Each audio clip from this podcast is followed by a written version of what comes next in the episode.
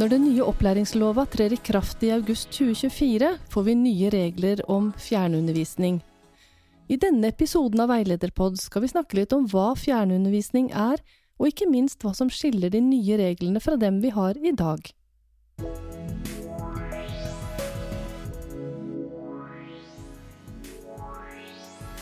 Dette er Veilederpod fra Visma, en podkast for ledere og ansatte i offentlig sektor. Og vi som jobber med veilederen, vi har nå fullt fokus på å sette oss inn i alle endringene i den nye opplæringsloven. Og når jeg sier vi, så er det blant annet deg, Ingunn Vik. ja, og jeg som heter Lisbeth Storvik Jacobsen, som kanskje er aller mest involvert i dette arbeidet her. Ja, det stemmer vel. Eh, Nå jobber vi med å sette oss inn i de ulike temaene, og det innebærer jo selvfølgelig at vi leser de ganske så omfattende forarbeidene og de utfyllende kommentarene som departementet har skrevet, og så forsøker vi å trekke ut den informasjonen som vi tenker er viktig for dere som skal bruke loven. Ja, det gjør vi, og nå tenkte vi faktisk å prøve podkastformatet for å snakke litt om disse reglene om fjernundervisning, ellers så lager vi mest artikler og webinarer. Men det er du som har satt deg best inn i det temaet her. Kan ikke du først si litt om hva fjernundervisning er? Jo, med fjernundervisning, så i opplæringslovens sammenheng, så er det jo den en slags Eller det blir jo da en undervisningssituasjon hvor læreren ikke er til stede i samme rom som elevene, men da underviser typisk over nettet. Mm. Og noen foreslo at det heller skulle hete nettundervisning. Mm, jeg så det. Ja, men de landa på fjernundervisning, da. Ja, for det er mer De regner vel at det er mer teknologinøytralt. Mm. Og bare for å ha sagt det, eh, reglene om fjernundervisning i den nye loven er i paragraf 14-4, og den befinner seg i den fjerde delen med felles bestemmelser for grunnskole og videregående skole. Mm.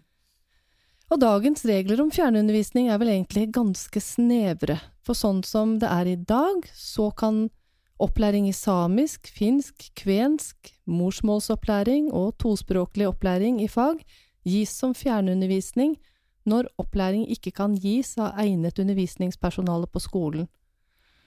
Dagens opplæringslov åpner også for at grunnskoleopplæring og videregående opplæring for voksne kan gis som fjernundervisning. Og så er vel fjernundervisning ved bruk av robot i klasserommet også en mulighet, stemmer ikke det, Ingunn? Jo, det stemmer. Og det er jo ikke bare robot som er Mm. lov, da, men det er jo lov med fjernundervisning eh, for elever som har langvarig sykefravær, men da bare som et supplement til den andre opplæringen de får, enten i institusjon, institusjonen eller ved at en lærer kommer hjem til dem hvis de er hjemme. Mm, så egentlig et supplement for å holde kontakt med klassen, da den roboten i hvert fall. Ja, Ja. det er jo både for å holde kontakt med klassen, og så er det jo kanskje noen som er for syke til å få besøk av en lærer, men kanskje er friske nok til å følge undervisninga som fjernundervisning. Mm. Men så skjedde det jo mye for noen få år tilbake, når skolene og det meste annet ble nedstengt under koronapandemien. Da ble jo dette her med fjernundervisning virkelig satt på prøve, selv om det var jo en helt spesiell setting. Og så så vi jo at det fungerte bra for noen, men at det også var mange utfordringer, ikke minst ved å følge opp elevene. Det er ikke sammenlignbart, men likevel tenker jeg at det er viktig å, å si noe om det. For samtidig som det ikke er sammenlignbart, så førte det jo til at mange elever, lærere og eh, lederne også fikk økt kompetanse og erfaring med fjernundervisning. Er det på grunn av pandemien at det blir nye regler om fjernundervisning nå, tror du? Jeg vet ikke om det bare er på grunn av pandemien, men jeg tror vel kanskje at de erfaringene som vi fikk under pandemien, har noe å si både for hvordan reglene har blitt, og det at eh, man ser at det kan fungere i noen situasjoner. Og derfor er det jo greit kanskje at de åpner opp for å få mer fjernundervisning nå. Mm. Eh, jeg så også noe om at eh, departementet skrev at det var grunn til å tro at det var mer utstrakt bruk av fjernundervisning enn det opplæringsloven har hjemlet, også før pandemien, og sannsynligvis i hvert fall nå etter pandemien, og at det var en av grunnene til at det var viktig å få på plass nye regler nå, da. Ja, det stemmer. Mm. Uh, og noe av begrunnelsen for de nye reglene, det er jo da å gi elevene større valgfrihet. Mm. Og da spesielt mulighet til å velge det vi gjerne kaller for smale fag. Og også tilpasningsmuligheter som elevene ellers ikke ville ha fått. Men hva er det som blir den store forskjellen mellom dagens regler og de nye reglene om fjernundervisning, da? Jo, det er jo at vi får jo en regler som regulerer fjernundervisning i normalsituasjoner, og muligheten for fjernundervisning er ikke begrensa til de fagene du sa i stad, det blir jo en generell mulighet for fjernundervisning. Eh, og fjernundervisning vil jo nå være noe mer enn en nødløsning. Mm. Eh, og fjernundervisning, det skal jo nå kunne gjennomføres i deler av opplæringa, altså ikke hele opplæringen selvfølgelig, men deler av opplæringa. Eh, og det er ikke satt noe tak på hvor stor del av opplæringa som kan gis som fjernundervisning. Men hva mener du med deler av fag, da? Nei, deler av opplæringen. Er det sånn at Er det deler av fag eller hele fag? Eh, Det kan være begge deler, Mm. men eh, det er jo helt klart at et helt fag kan gis som fjernundervisning når vilkårene for det er oppfylt. Ja, og vilkårene de skal vi komme Ja. nærmere tilbake. Og for noe av begrunnelsen er jo, som vi sa i stad, at eh, elever skal kunne velge smale fag hvis de har lyst til det, og da må man jo kunne velge et helt fag. Ja. Og så kan man jo selvfølgelig ha fjernundervisning i enkelte temaer eller emner innenfor ett fag. Eh, og så er det jo slik at når hele fag gis som fjernundervisning, ja, da forutsetter jo det da et tett samarbeid med den læreren som har fjernundervisningen, og skolens egne lærere. For at elevene skal jo følges opp av skolens egne, egne lærere mellom disse timene med fjernundervisning. Mm. Men det er ikke gode grunner eller pedagogisk forsvarlig kanskje å gjennomføre store deler av opplæringen som fjernundervisning, da. Nei, Nei. det er de jo veldig klare på at det er det jo ikke. Uh, Så det er jo en vurdering de hele hele tida må ta, dette Mm. her med om det er gode grunner eller pedagogisk forsvarlig. Så det var jo egentlig et stikkord, for Mm. loven stiller jo noen krav. Den setter noen vilkår før skolen kan bruke fjernundervisning som undervisningsmetode. Og vilkårene, de er nettopp gode grunner, trygt og pedagogisk forsvarlig, dessuten er det et krav til effektiv kommunikasjon. Det skal vi straks snakke litt mer om.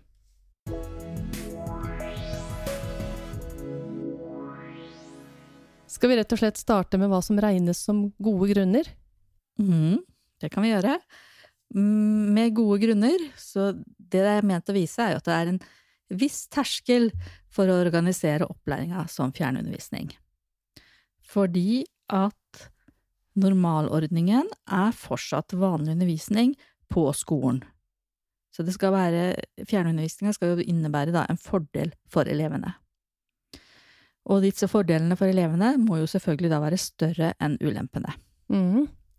Så her blir det jo da en helhetlig vurdering av fordeler veid opp mot ulemper, og hensynet til elevenes beste skal jo også være styrende. Mm, Er det noen eksempler på hva som kan være en fordel?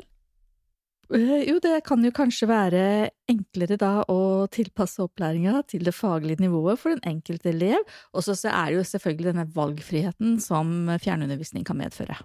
Ja, og så kan du bruke det for å tilby fag som skolen ellers ikke kunne klare å tilby. Ja. Enten fordi elevgrunnlaget er for lite, eller man ikke har lærere med riktig kompetanse. Mm. Men Mm. det som er litt viktig å, å være klar over, det er jo at eh, skolen har jo plikt til å tilby eh, fysiske fag på skolen. Eh, man kan ikke velge det bort fordi at det er billigere med fjernundervisning. Nei. Så det er viktig, for det skal ikke være økonomiske grunner som, som eh, gjør dette her. Så det er først hvis man ikke har lærere med riktig kompetanse, eller at det er et fag som det er for få elever som ønsker seg, det er da man kan tilby fjernundervisning Mm. som et, som et alternativ.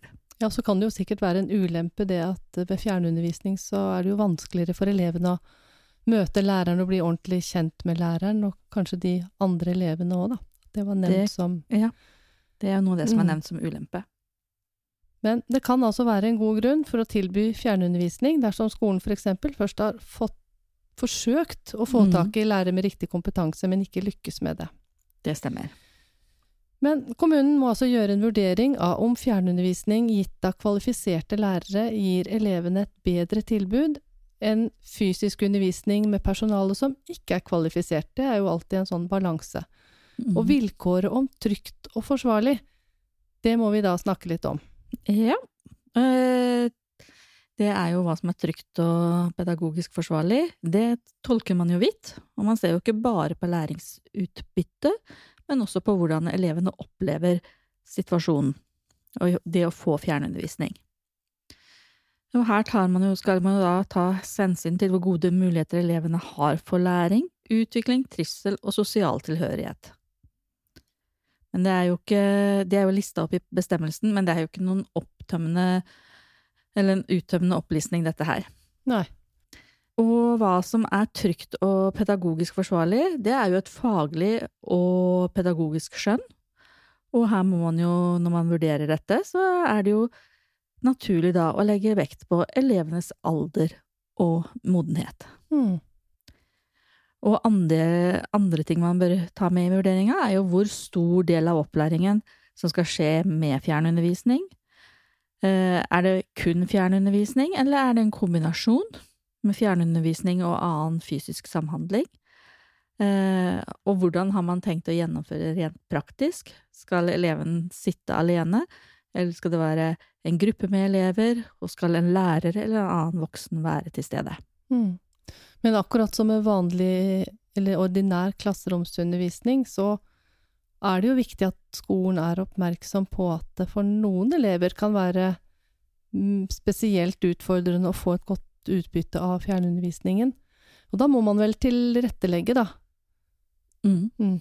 Det er samme tilretteleggingsplikt eh, i forbindelse med fjernundervisning som i forbindelse med annen undervisning.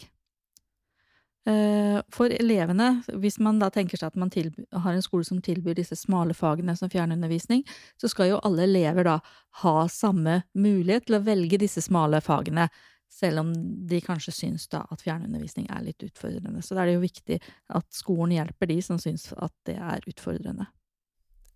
Det høres veldig fornuftig ut. Skal vi se litt på det vilkåret om effektiv kommunikasjon også? Hva er det lovgiver legger i det? Eh, Kravet om effektiv kommunikasjon det er jo begrunna i det at elevene må ha en tilstrekkelig mulighet til å få faglig hjelp og oppfølging. Og man tenker jo seg da at enten så skal denne kommunikasjonen foregå i samtid, altså at man snakker sammen, eh, læreren underviser og eleven sitter der live, hvis vi Mm. kan si det, eller at det skal være kort responstid. Eh, For det er jo, en ting er jo eleven skal jo ha mulighet til å ha kontakt med læreren, men læreren skal jo også ha mulighet både til å gi opplæringa si, gjøre vurderinger, og kanskje også registrere fravær, osv. Så, Så her er det jo et krav om at man må ha gode tekniske løsninger som legger til rette for dette. Mm. Nå har vi jo snakka litt om hva fjernundervisning er, og hva som er nytt i forhold til i dag.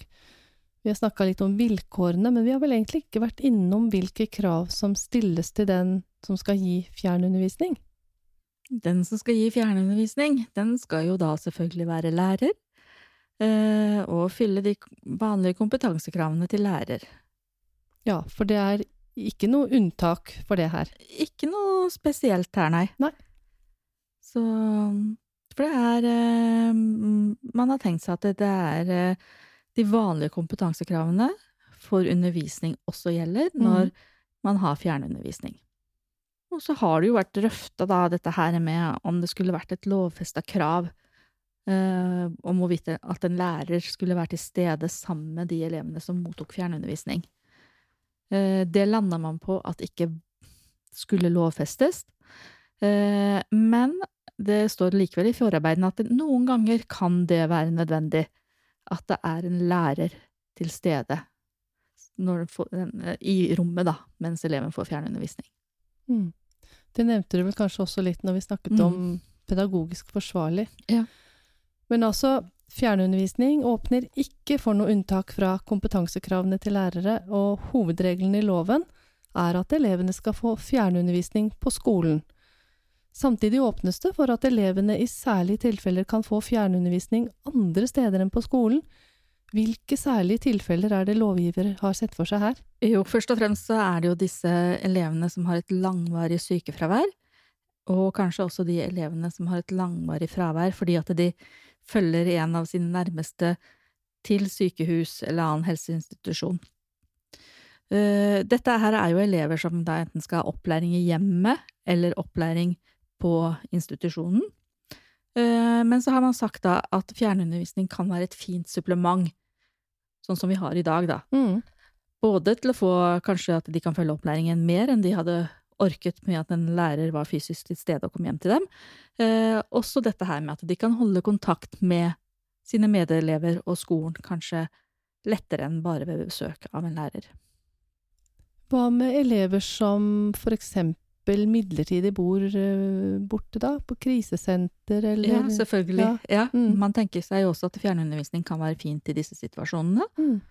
Eh, og så har du jo også de elevene som eh, skal delta på en stor nasjonal idrettskonkurranse eller et kulturarrangement på nasjonalt nivå. Eh, tenker man jo også at det kan være en særlig grunn til å gi, til å gi fjernundervisning et annet sted. Mm. Det, det skaper jo mye mer fleksibilitet. Det gjør jo det. Mm. Eh, og så sier man at det her er jo ikke noe uttømmende liste, det her heller. Så dette her med særlige grunner må jo vurderes konkret. Mm. Men Det kan- ters terskelen er ganske høy, eller?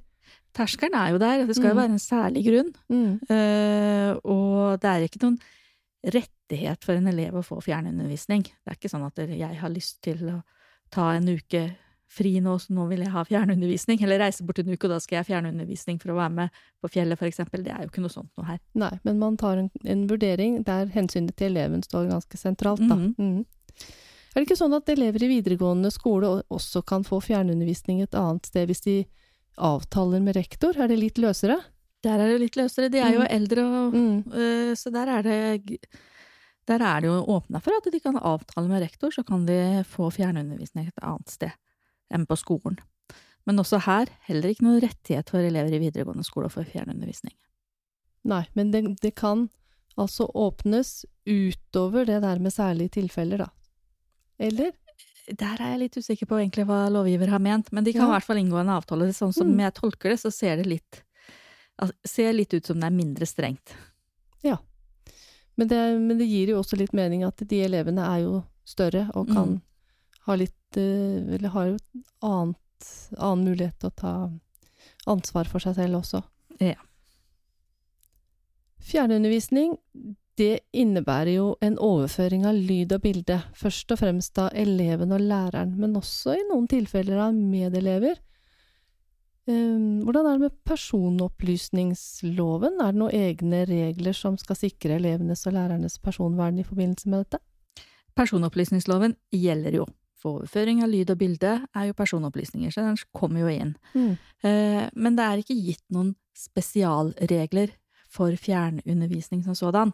Det er de vanlige reglene om eh, informasjonssikkerhet osv. som gjelder i disse situasjonene. Eh, Det som er avklart i forarbeidene, er jo at i de tilfellene hvor eh, man gir fjernundervisning for å oppfylle en, en eller flere elevers rettigheter, enten det er til opplæring eller det er for å holde den sosiale kontakten med skolen, så er det ikke krav om noe ekstra. Det er ikke krav om noe samtykke her, for da gir den vanlige bestemmelsen om behandling av eh, personopplysninger som er i opplæringsloven, den gir tilstrekkelig behandlingsgrunnlag. Mm. Og det samme konkluderer de også vil være tilfellet så lenge fjernundervisninga er lovlig. Eh, Men eh, fjernundervisning, det blir jo sikkert noen utfordringer eh, om hva man skal tenke på, hvordan den blir, bør gjennomføres, videre. Jeg tenker at det skal vi ikke ta for oss her nå. Eh, Det er varsla, eller antyda i forarbeidene, at det vil komme noen retningslinjer for det etter hvert. Ja, da er det bare å avvente og, og se. Mm. Da har vi vel egentlig tatt for oss eh, hele denne regelen om fjernundervisning. Uh, Snakka oss litt gjennom vilkårene og endringene. Så skal vi egentlig bare si takk for i dag, da. Det kan vi gjøre, Lisbeth. Tusen takk for oss. Dette er Veilederpod fra Visma, en podkast for ledere og ansatte i offentlig sektor.